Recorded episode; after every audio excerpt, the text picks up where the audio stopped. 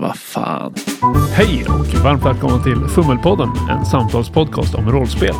Det här är 25 avsnittet och vi tänkte snacka erfarenhet. Vilka olika XP-lösningar tycker vi personligen bäst om? Hur påverkar de själva rollspelandet? Och behövs erfarenhetssystem överhuvudtaget? Då rullar vi igång. Jag heter Lukas. Jag heter Edvard. Och jag heter David. Övning ger som bekant färdighet och inom rollspel så löser man vanligtvis det genom någon form av mekaniska karaktärsutvecklingsverktyg som har någon form av erfarenhetssystem. Och arketypen är på något sätt att man dödar monster, man får XP, man går upp i level. Har ni några spel som ni tänker på har särskilt bra erfarenhetssystem?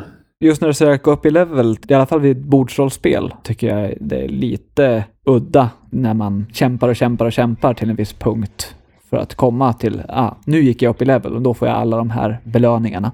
Man får liksom allting stötvis på ett visst sätt. Jag tror jag föredrar spelvarianter där du kanske får några poäng per möte och då istället får spendera dem successivt också på huvudsakligen saker du har använt färdigheter av under mötenas gång. Det blir lite som i verkliga livet så här. Idag fyllde jag 32.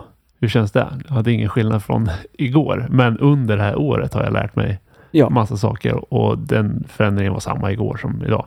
Eller jag som hållit på med traditionell kampsport så här med bälten. Att, oh, shit, har du svart bälte nu? Ja, det spelar ingen Jo, roll. det enda liksom, exemplet där det blir logiskt i andra riktningen är väl att fylla 18 och helt plötsligt får eh, börja köra bil om du tar körkortet och dricka och sånt där. Att det är som någon form av tröskel man har tagit Jo, sig det är inte du som har förändrats utan det är inte. samhället som har Ja, tillåtit det. accepterat Så att det dina... ena är ju någon form av simulerande erfarenhetssystem och det andra är rent mekaniskt spelmotoriskt. Nu tänker jag säga emot och jag ogillar jättemycket system där det är lite för mycket simulerande. Om vi tar den här gamla klassikern Drakar och Demoner 91, där man får så här, av varje gång jag lyckas med att svinga svärd så får jag ett erfarenhet i att svinga svärd. Och så drar man de här sträckorna och så blir man lite bättre i att svinga svärd efter ett tag. Det är det tråkigaste jag vet, för det betyder att man har liksom ingen kontroll och man kan inte bli bättre i saker som man kanske vill bli bättre i, men som inte dyker upp så mycket i spelandet. Eller? Och det finns ju även utrymme för att man håller på att utnyttja det. Ja, då står jag här och svingar svärd. Ja, Ja, ja, den, ja. är den är ju udda. Liksom, och det uppkommer väl mer i dataspel att stå och hamra tills du har gått upp i level. Det är ju kast och då använder man ju ofta inte spelet som det är tänkt i bästa fall. Det finns väl kanske balansproblem i spel här och var där de inte har balanserat levelsystemet gentemot utmaningarna. Men det du säger är ju någon form av eh, passiv ökning, att du hugger, du får poäng. Medan det jag strävade mera efter tror jag är du får en pool efter spelmötet av förbrukningsvara där du tittar sen, vad vill jag bli bättre i? Vad har jag gjort? Och helst inte sätta poäng i någonting du inte har sysselsatt dig med. Ja, kan vi gå igenom vad vi känner till för olika sätt att få erfarenhet? För det är väl där jag känner att det är bra att börja diskussionen och sen hur man spenderar erfarenhetspoängen. Vi kanske inte behöver beta av precis varje, men så här Nej, lite men- mer konceptuellt och Nej, vi kategorier. måste gå igenom alla rollspel. Så vi börjar med, finns det något på AA? Nej, men det är väl det. Antingen att man får specifika poäng för specifika saker man gör. Typ drakar och demoner, svinga svärd. Du får poäng i att svinga svärd. Sen finns det ju även Call of Cthulhu där du markerar att du har använt färdigheter och sen efter spelmötet så slår du tärningar. Kommer du över ditt eget, eller misslyckas du med det här slaget egentligen då, så går du upp i det. Så Ja. att det blir svårare att gå upp i den ju duktigare du är. Ja, just det. Sen så finns det de som är specifika handlingar man får erfarenhet för. Typ såhär Dungeons and Dragons Ja. XP. Du har besegrat någon eller löst problemet. Eller? Ja. Ja, vanligtvis när det är färdigskrivna äventyr så finns det liksom kanske en indexlista över så här mycket får du för de här sakerna. Fast det skulle jag nästan säga något annat. Den här dd varianten är ju mer, nu har du gjort en handling, ja, här ja. är din belöning. Medan de här traditionella typ Drakar och Demoner-äventyren, då kommer du till ett moment, kanske den här akten är slut eller äventyret är slut, så går du igenom en punktlista. Mm, Räddar ni den här personen? Mm. Var, var ni otrevliga mot trollet Brask? som inte finns. Så det är ju liksom två ganska olika kategorier tycker jag. Det ena är ju någon så här tillbakablick där du har bestämda kriterier för det specifika äventyret. Mm. Det andra Och det, är, ju- så och det är ju sätt man får experience points. Men det är, i Drakar och Demoner så har du ju mera GPRS där du betalar med de poängerna du fick i slutet för att eh, sätta ut poäng i olika färdigheter. Ja, okej. Medans eh, Dungeons and Dragons då är eh, Level. att komma över tröskeln och få ett paket av nya roligheter. Sant. Men på Ja. sätt och vis är det fortfarande i de här Drakar och Demoner att du måste spela ett antal spelmöten tills du kommer fram till Ja. en punkt där Ja, du det är får sant. belöningen. Det är, sant. det är när du får dina poäng som du kan nyttja dem, ja. Sen har du ju så här Apocalypse World-aktiga varianter. Där får du ju också så här när du använder vissa färdigheter som spelledaren och spelaren har bestämt inför mötet. Ja, Men, det, är det den, den man- XP'n jag tänkte på där var framförallt den här att du får XP när du ändrar relationer till spelare. Ja, men en du får ju också så här när du misslyckas. Nu var det länge sedan vi spelade Apocalypse World, för jag kommer inte alls ihåg. Eller är det... Bla- Det Blades har du ju när du, när du utför en handling Nej, som är riskabel så har du ju det. Det är nog Burning Wheel jag tänker på. Att Ja. Varje gång man misslyckas med ett slag får man... Nej, man, lär, man lär av sina misstag, eller vadå? Men det finns system Ja. som är så. När du misslyckas då får du. Och det finns andra system som är typ om du slår sjukt bra så får du Ja. också poäng. Jag vill ta upp en sista också. Det är ju Absolut. mer den här Blades-varianten där du svarar på frågor efter spelmötet. Att har Mm. jag uppfyllt den här parametern som spelet tycker att jag ska uppfylla för att spela spelet på rätt sätt? Ja, det är där jag tycker det finns en intressant distinktion. För om man delar upp det i två kategorier så kan man säga att det finns rollspel som belönar simulation, eller ja, där simulation är det man vill ut efter. Drakar och demoner, man svingar svärd, man är bättre på att svinga svärd. Man försöker simulera någon slags verklighet. Medan det finns de som också uppmanar till gör det din karaktär ska göra, gör spelet mer intressant på grund av det här. Typ Blades in the Dark. Blades har du ju även att när du gör en desperat handling så får du poäng för det i den specifika färdigheten. Så där har du också. Också Det, där, där, där får du inte... Fast där där du får man ju sätta poäng Nej, vart du får man... det i den. Okej, men det är ett av tre eller fyra kriterier. Ja, precis. Så att den inför båda. Ja. Men där är ju målet att uppmana till att göra desperata Ja, handlingar absolut. snarare än att bli bättre. Och sen så är målet också, här har du din karaktär som ska vara bra på magi. Har du använt magi för att lösa problemen, ta erfarenhet. Men jag gillar din uppdelning med simulationistiska XP-system eller spelstilsincitament systematiska. Ja, men så här, spelkontrollerande eller vad man ska säga. Ja, eller spelinriktande. Ja. Kontrollerande låter väldigt hårt.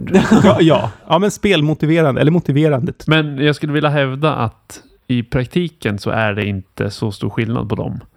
För att du kommer styra spelet genom simulerande XP-motorik också. Ja, jag håller med om att det är likadant, men de har ändå en ganska stor inverkan. Om vi faller tillbaks på OSR, att första Dungeons and Dragons så var guld lika med erfarenhet. Så där fanns det inget incitament att döda monstren som vaktade guldet, utan det var bättre att smyga sig förbi dem eller att inte riskera. För det viktiga var att ta skatten, inte att döda monstren. Medan senare versioner så blev det viktigare att döda monstren, för det var där man fick den mesta erfarenheten. Och guld var inte så värdefullt i slutändan, för man kunde bara få lite bättre armor class. Så att hur man får erfarenhet vill jag hävda gör jättestor Jo, skillnad. men det är det som är min poäng. Att även om du har simulationistiskt så kommer det påverka hur du spelar spelet. Absolut. I vissa spel får du typ erfarenhet varje gång du använder en färdighet. Ja. Och det gör ju att du försöker sätta dig i, situationer där du använder färdigheter. Apocalypse World är lite Ja, så. absolut. Nu har jag ju den här färdigheten markerad.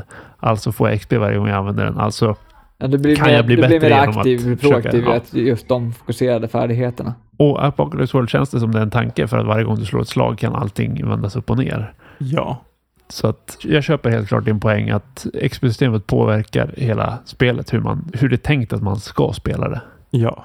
Men det jag sa till att börja med att föredra att få sätta ut poängerna själv lite mer aktivt är att jag kan forma min karaktärs utveckling mer flexibelt och då rollspela. För jag tycker ju ofta att just rollspelandet är kanske roligare än number crunchandet och färdighetsträet i bakgrunden. Mera liksom att ge det krydda till karaktären. Och om man har paketlösningen där du får de här förmågorna och de här övernaturliga eh, spells och liknande när du går upp i level så finns det liksom en risk att det blir lite cookie cutter att karaktärerna formas utifrån vilka förmågor han fick för att han gick upp i level snarare än att eh, vad han har erfarat och vad Ja, vi har spelat på. det är också eh, vad ska man säga, två kategorier. Det ena är ju någon form av eh, mer brädspelsmekanik eller datorspelsmekanik. Att nu har du blivit bättre helt enkelt på att försöka vinna här får du lite belöningar för att du har nått upp till en viss gräns och jobbat mot den.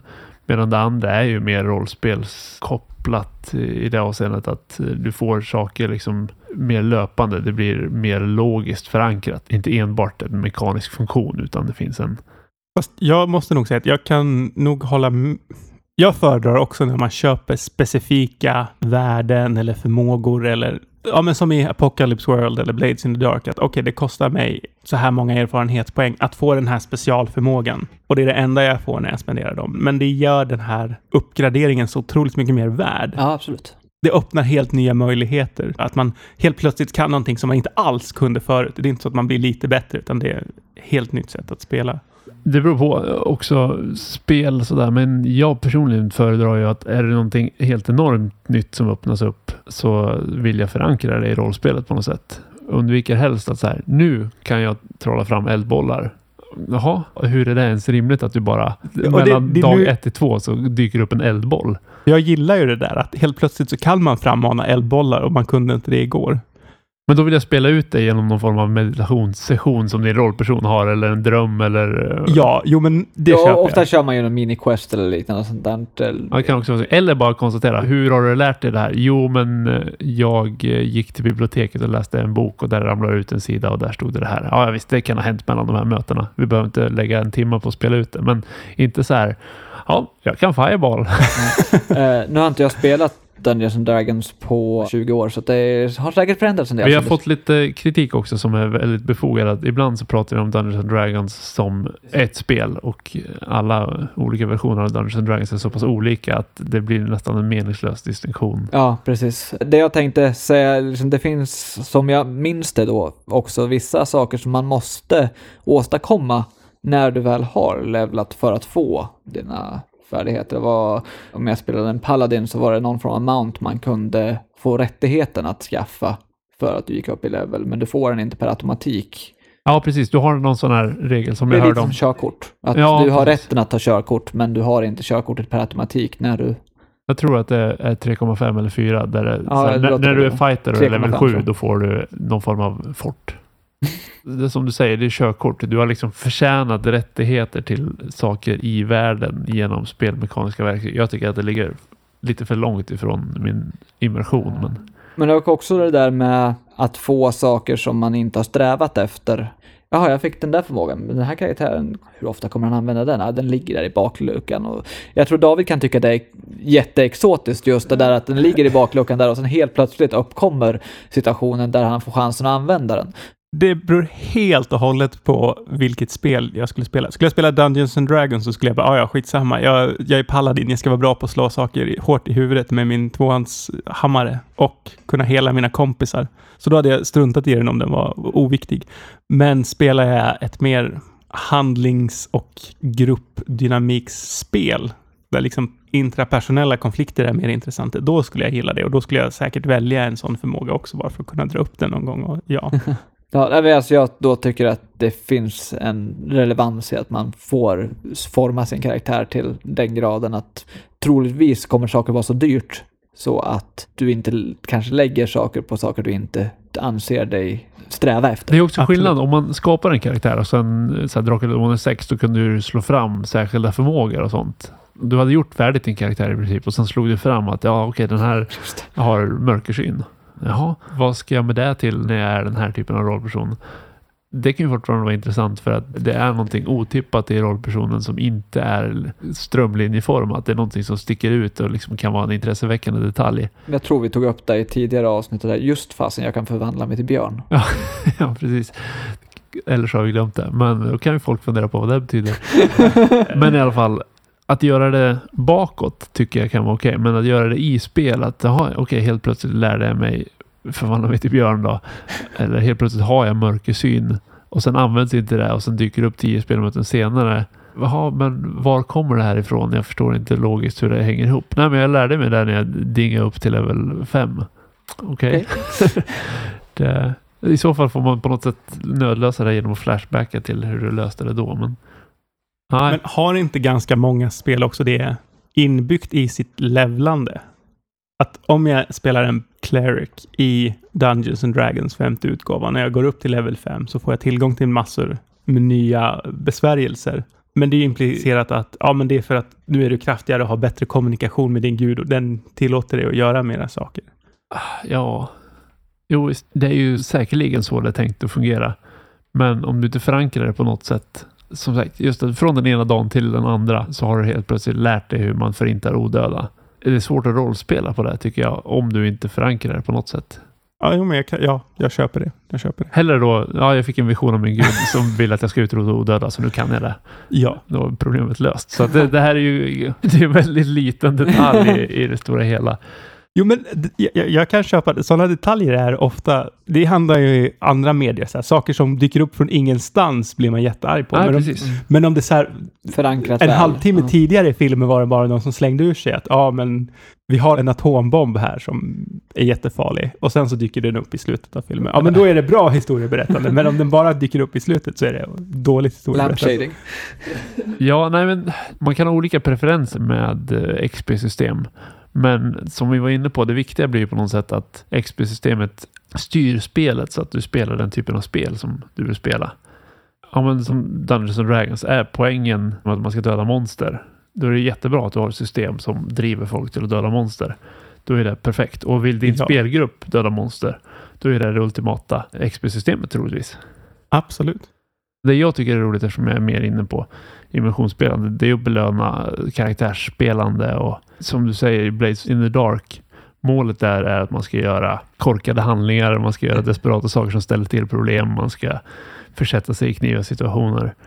Då är det ju bra att belöna det spelmekaniskt. Men i Blades the Dark finns det ingenting som säger specifika färdigheter. Utan det är, när du gör desperata handlingar så blir det den färdigheten du får på. Så Jag är tror det blir inget- den grundegenskapen. Ja, precis. Och sen finns ja. det... Har du löst problem med ja, någonting? precis. Det, det finns ju eh, lite adjektiv där. Liksom, De skiljer sig också från playbook till playbook. Precis. Spelar du slagskämpe, då är frågan, har du löst problem med våld? Och spelar du någon form av smygare så har du löst problem genom eh, lönndom. mm. Det är samma parameter men inriktat på din klass egentligen. Och sen så är det väl också, har din så här vice ställt till problem för dig? Så det är också det här. Ja, då, då tycker ju jag att ja, det är karaktärsspelande. Ja, ja, jag, funderade på just klassspelande, det är något vi har tagit upp tidigare också, just det där att låsa in folk på en bana. Vissa spel gör att du har väldigt svårt att multiklassa eller eh, när du väl har gett dig in på en riktning att styra om dig. Jag tycker nog bättre om XP-system som tillåter flexibilitet och Ja, det är ju mer någon slags Sidspår. karaktärsutvecklingssystem. Men i och för sig XP-system om du bara kan höja färdigheter som du använder. Och du använder bara Mm. färdigheter som du är duktig på. Så ja, okej. eh, De eh, Jag tänkte på symbios. att om det är Drakar Domare 6 experter eller något sånt där, där det är extremt dyrt att höja någonting som ligger utanför ditt Ja, precis. bollhus. Och det gör ju att du i praktiken låser in folk att spela bara sitt yrke. Återigen, det finns ingen riktigt befog för det i fiktionen i vanliga fall. Att varför skulle du inte kunna lära dig den där färdigheten som du kanske inte har stenkoll på, men i alla fall lite grann. Det borde inte vara så mycket lättare att bli ännu bättre på svärd än där och lära sig kunna simma någorlunda dugligt. Nä- Nästan tvärtom egentligen. Det är ju svårare att bli bättre på någonting man redan är hyfsat bra på än att lära sig grunderna i någonting helt Men det nytt. har ju i och för sig många system att det blir dyrare. Ja, det tycker jag det är sant. det, är ganska, det är ganska bra faktiskt just det där att eh, det är billigt i början och blir dyrare på sikt. Eh, och det återspeglar ju sig ofta i levelspel också att du har större gap mellan senare nivåer än vad du har i början. Men Drakar och Demoner 6-expert där, där finns det ju en mekanik när du skapar karaktären som du gör hela din rollperson och sen i slut slår du även hur framgångsrik din rollperson är. Och det gör att du antingen får gigantiska bonusar på alla färdigheter eller straff på alla färdigheter. Så att det är en T20 helt enkelt som avgör kommer du vara värdelös eller kommer du vara huvudpersonen? Det låter som en skitdålig design i det. var Ja, inte helt genomtänkt. där finns det ju en logisk förankring. Olika människor är olika duktiga på saker. Absolut. Men det blir väldigt tråkigt. Ja, i och för sig, om du spelade äldre så fick du nog plusmodifikation på det här slaget. Om du spelar barn så var det mer sannolikt att du var helt värdelös. Ja just det, det var dels det, men du fick även grundegenskapsförändringar. De kunde ju vara kul, liksom grundegenskaperna. Att du fick eh, mindre visdom om du var för ung och så fick du...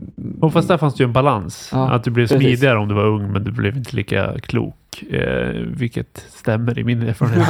Men den här andra framgången, det var bara helt enkelt, får du minus på alla färdigheter eller får du bonus på alla färdigheter? Och det var så här, du fick slå en T6 på alla färdigheter om du var riktigt framgångsrik. Eller så fick du dra bort en T4 på alla dina färdigheter.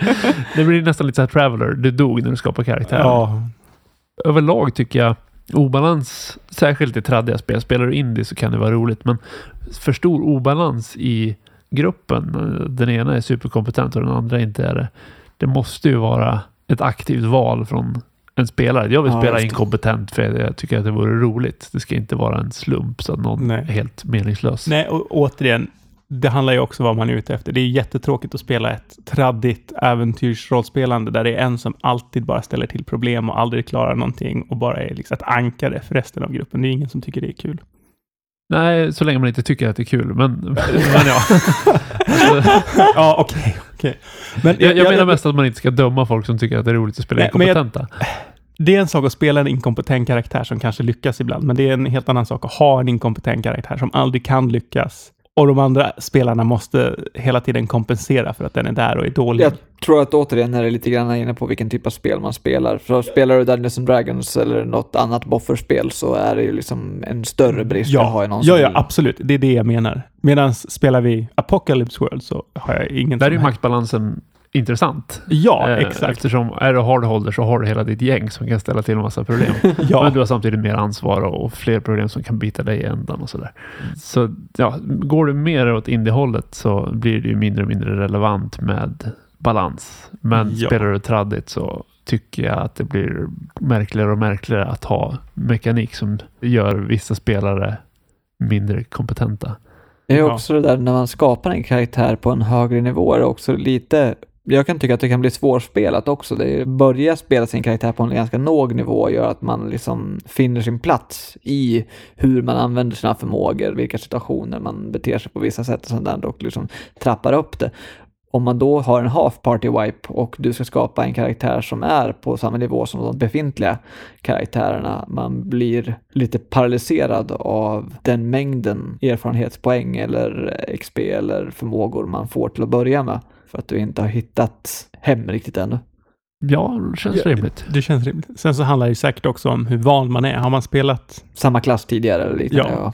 Och framförallt om det är mer taktiskt inriktat, då blir ju valen hur ska jag sätta ut de här taktiska grejerna. Jag har nog minne av att jag typ fuskade i Diablo när jag spelade själv.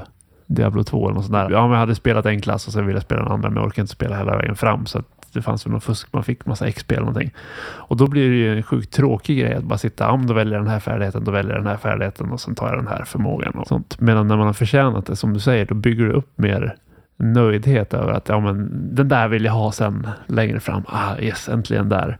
Jag förstår vad du menar just den här att Ja, och det blir ju lite så här när man levlar upp långsamt så vet man okej, nu ska jag spela den här från level 2 till 3 så att jag skulle kunna spara de här poängen, men då blir det här mycket jobbigare nu.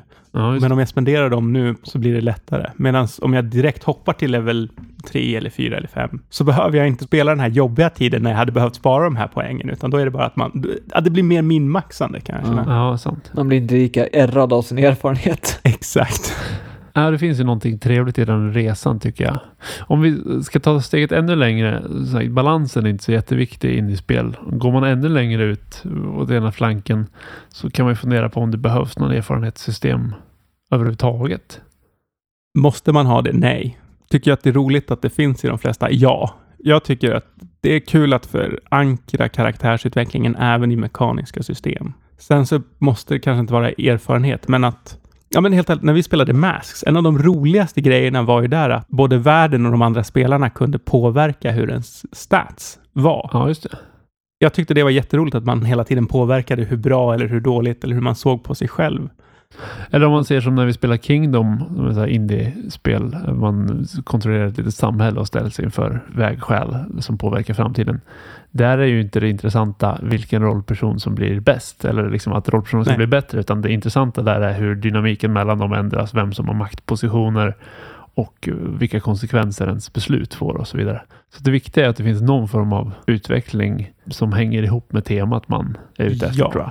Vi friformade ju en ganska lång period där vi i stort sett tappade XP-system och liknande. Liksom. Ja, eftersom vi inte hade några färdigheter eller regler. Ja, och vi tappade ju folk på för att de saknade erfarenhetssystemet.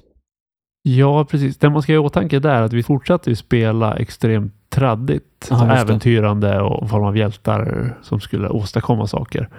Och där kan det ju finnas ett intresse i att bli bättre för att det narrativt blir trevligare. Men även eftersom du ställs inför fysiska utmaningar och sådär. Att öka dina färdigheter så att det känns som att du rör dig framåt i vad din rollperson kan. Det blir viktigare ju traddigare man spelar. Ja, det är sant. Och desto längre man spelar med samma karaktärer. Ja, precis. Visst, man kan titta lite på så här. Jo, men min rollperson har gått från att vara ganska självisk till att tänka lite mer på andra.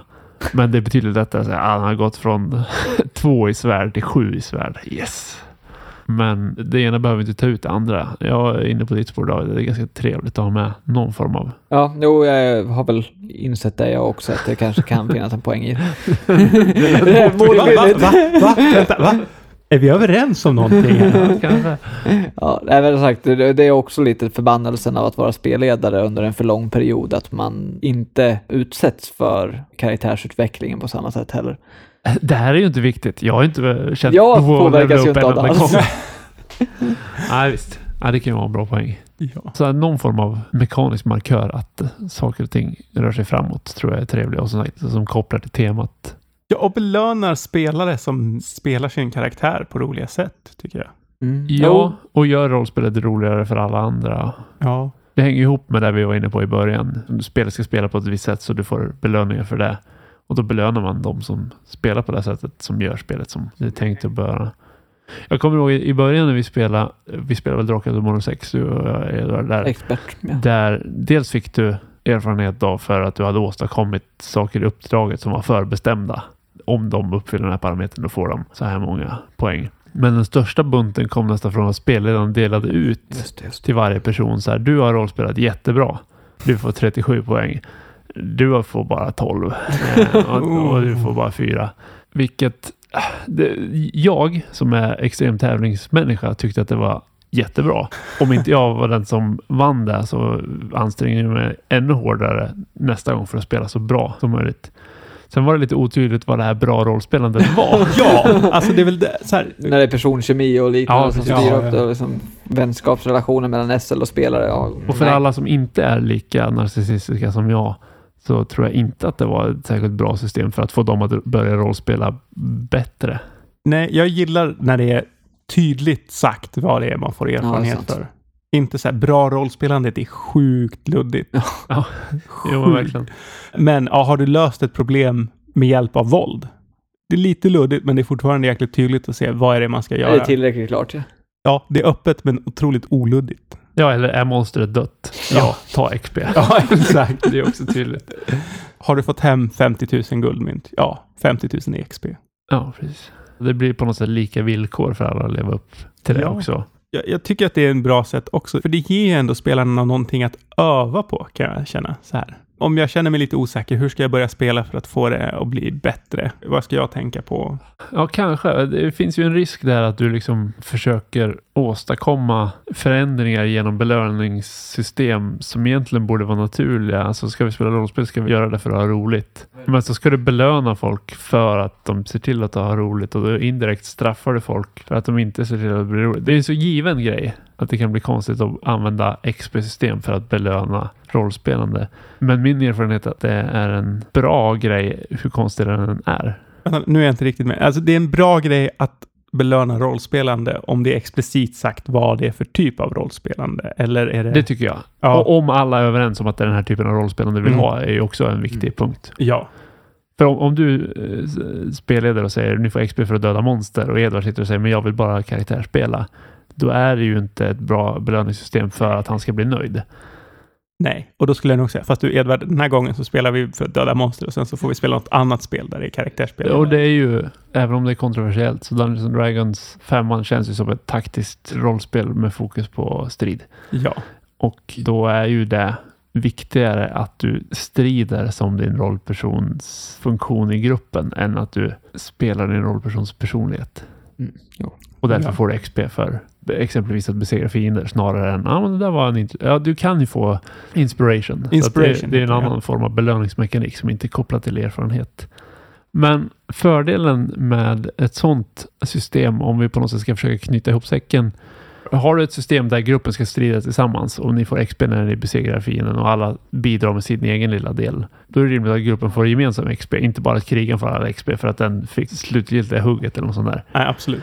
Och för att koppla tillbaks till gamla varianten som jag och Edvard spelade med, att man fick individuella XP-boostar för citattecken bra rollspelande. Då blir det ju extrem obalans i vem som får mest XP. Och det slutar ju i slutändan med att min rollperson var mycket bättre än alla andra Ja, det blir ju en självmatande cykel där Ja. eh, din karaktär blir mer kapabel att göra handlingar, vilket som ser dig som mer proaktiv och då kommer du också ses som en bättre rollspelare för att du är, gör de coola sakerna. Och, ja, Och till slut ganska- kommer vi in i det här vi var inne på också att en obalanserad grupp, särskilt i trädiga rollspel, kan bli svintråkigt för den som halkar efter. Mm.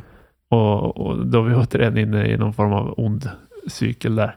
Ja. Min absoluta preferens är när man har rollspelssystem där man inte bara uppfyller parametrar utan där man diskuterar gemensamt om man har uppfyllt parametrar. Återigen det med tydlighet. Parametern är tydlig på ett eller annat sätt.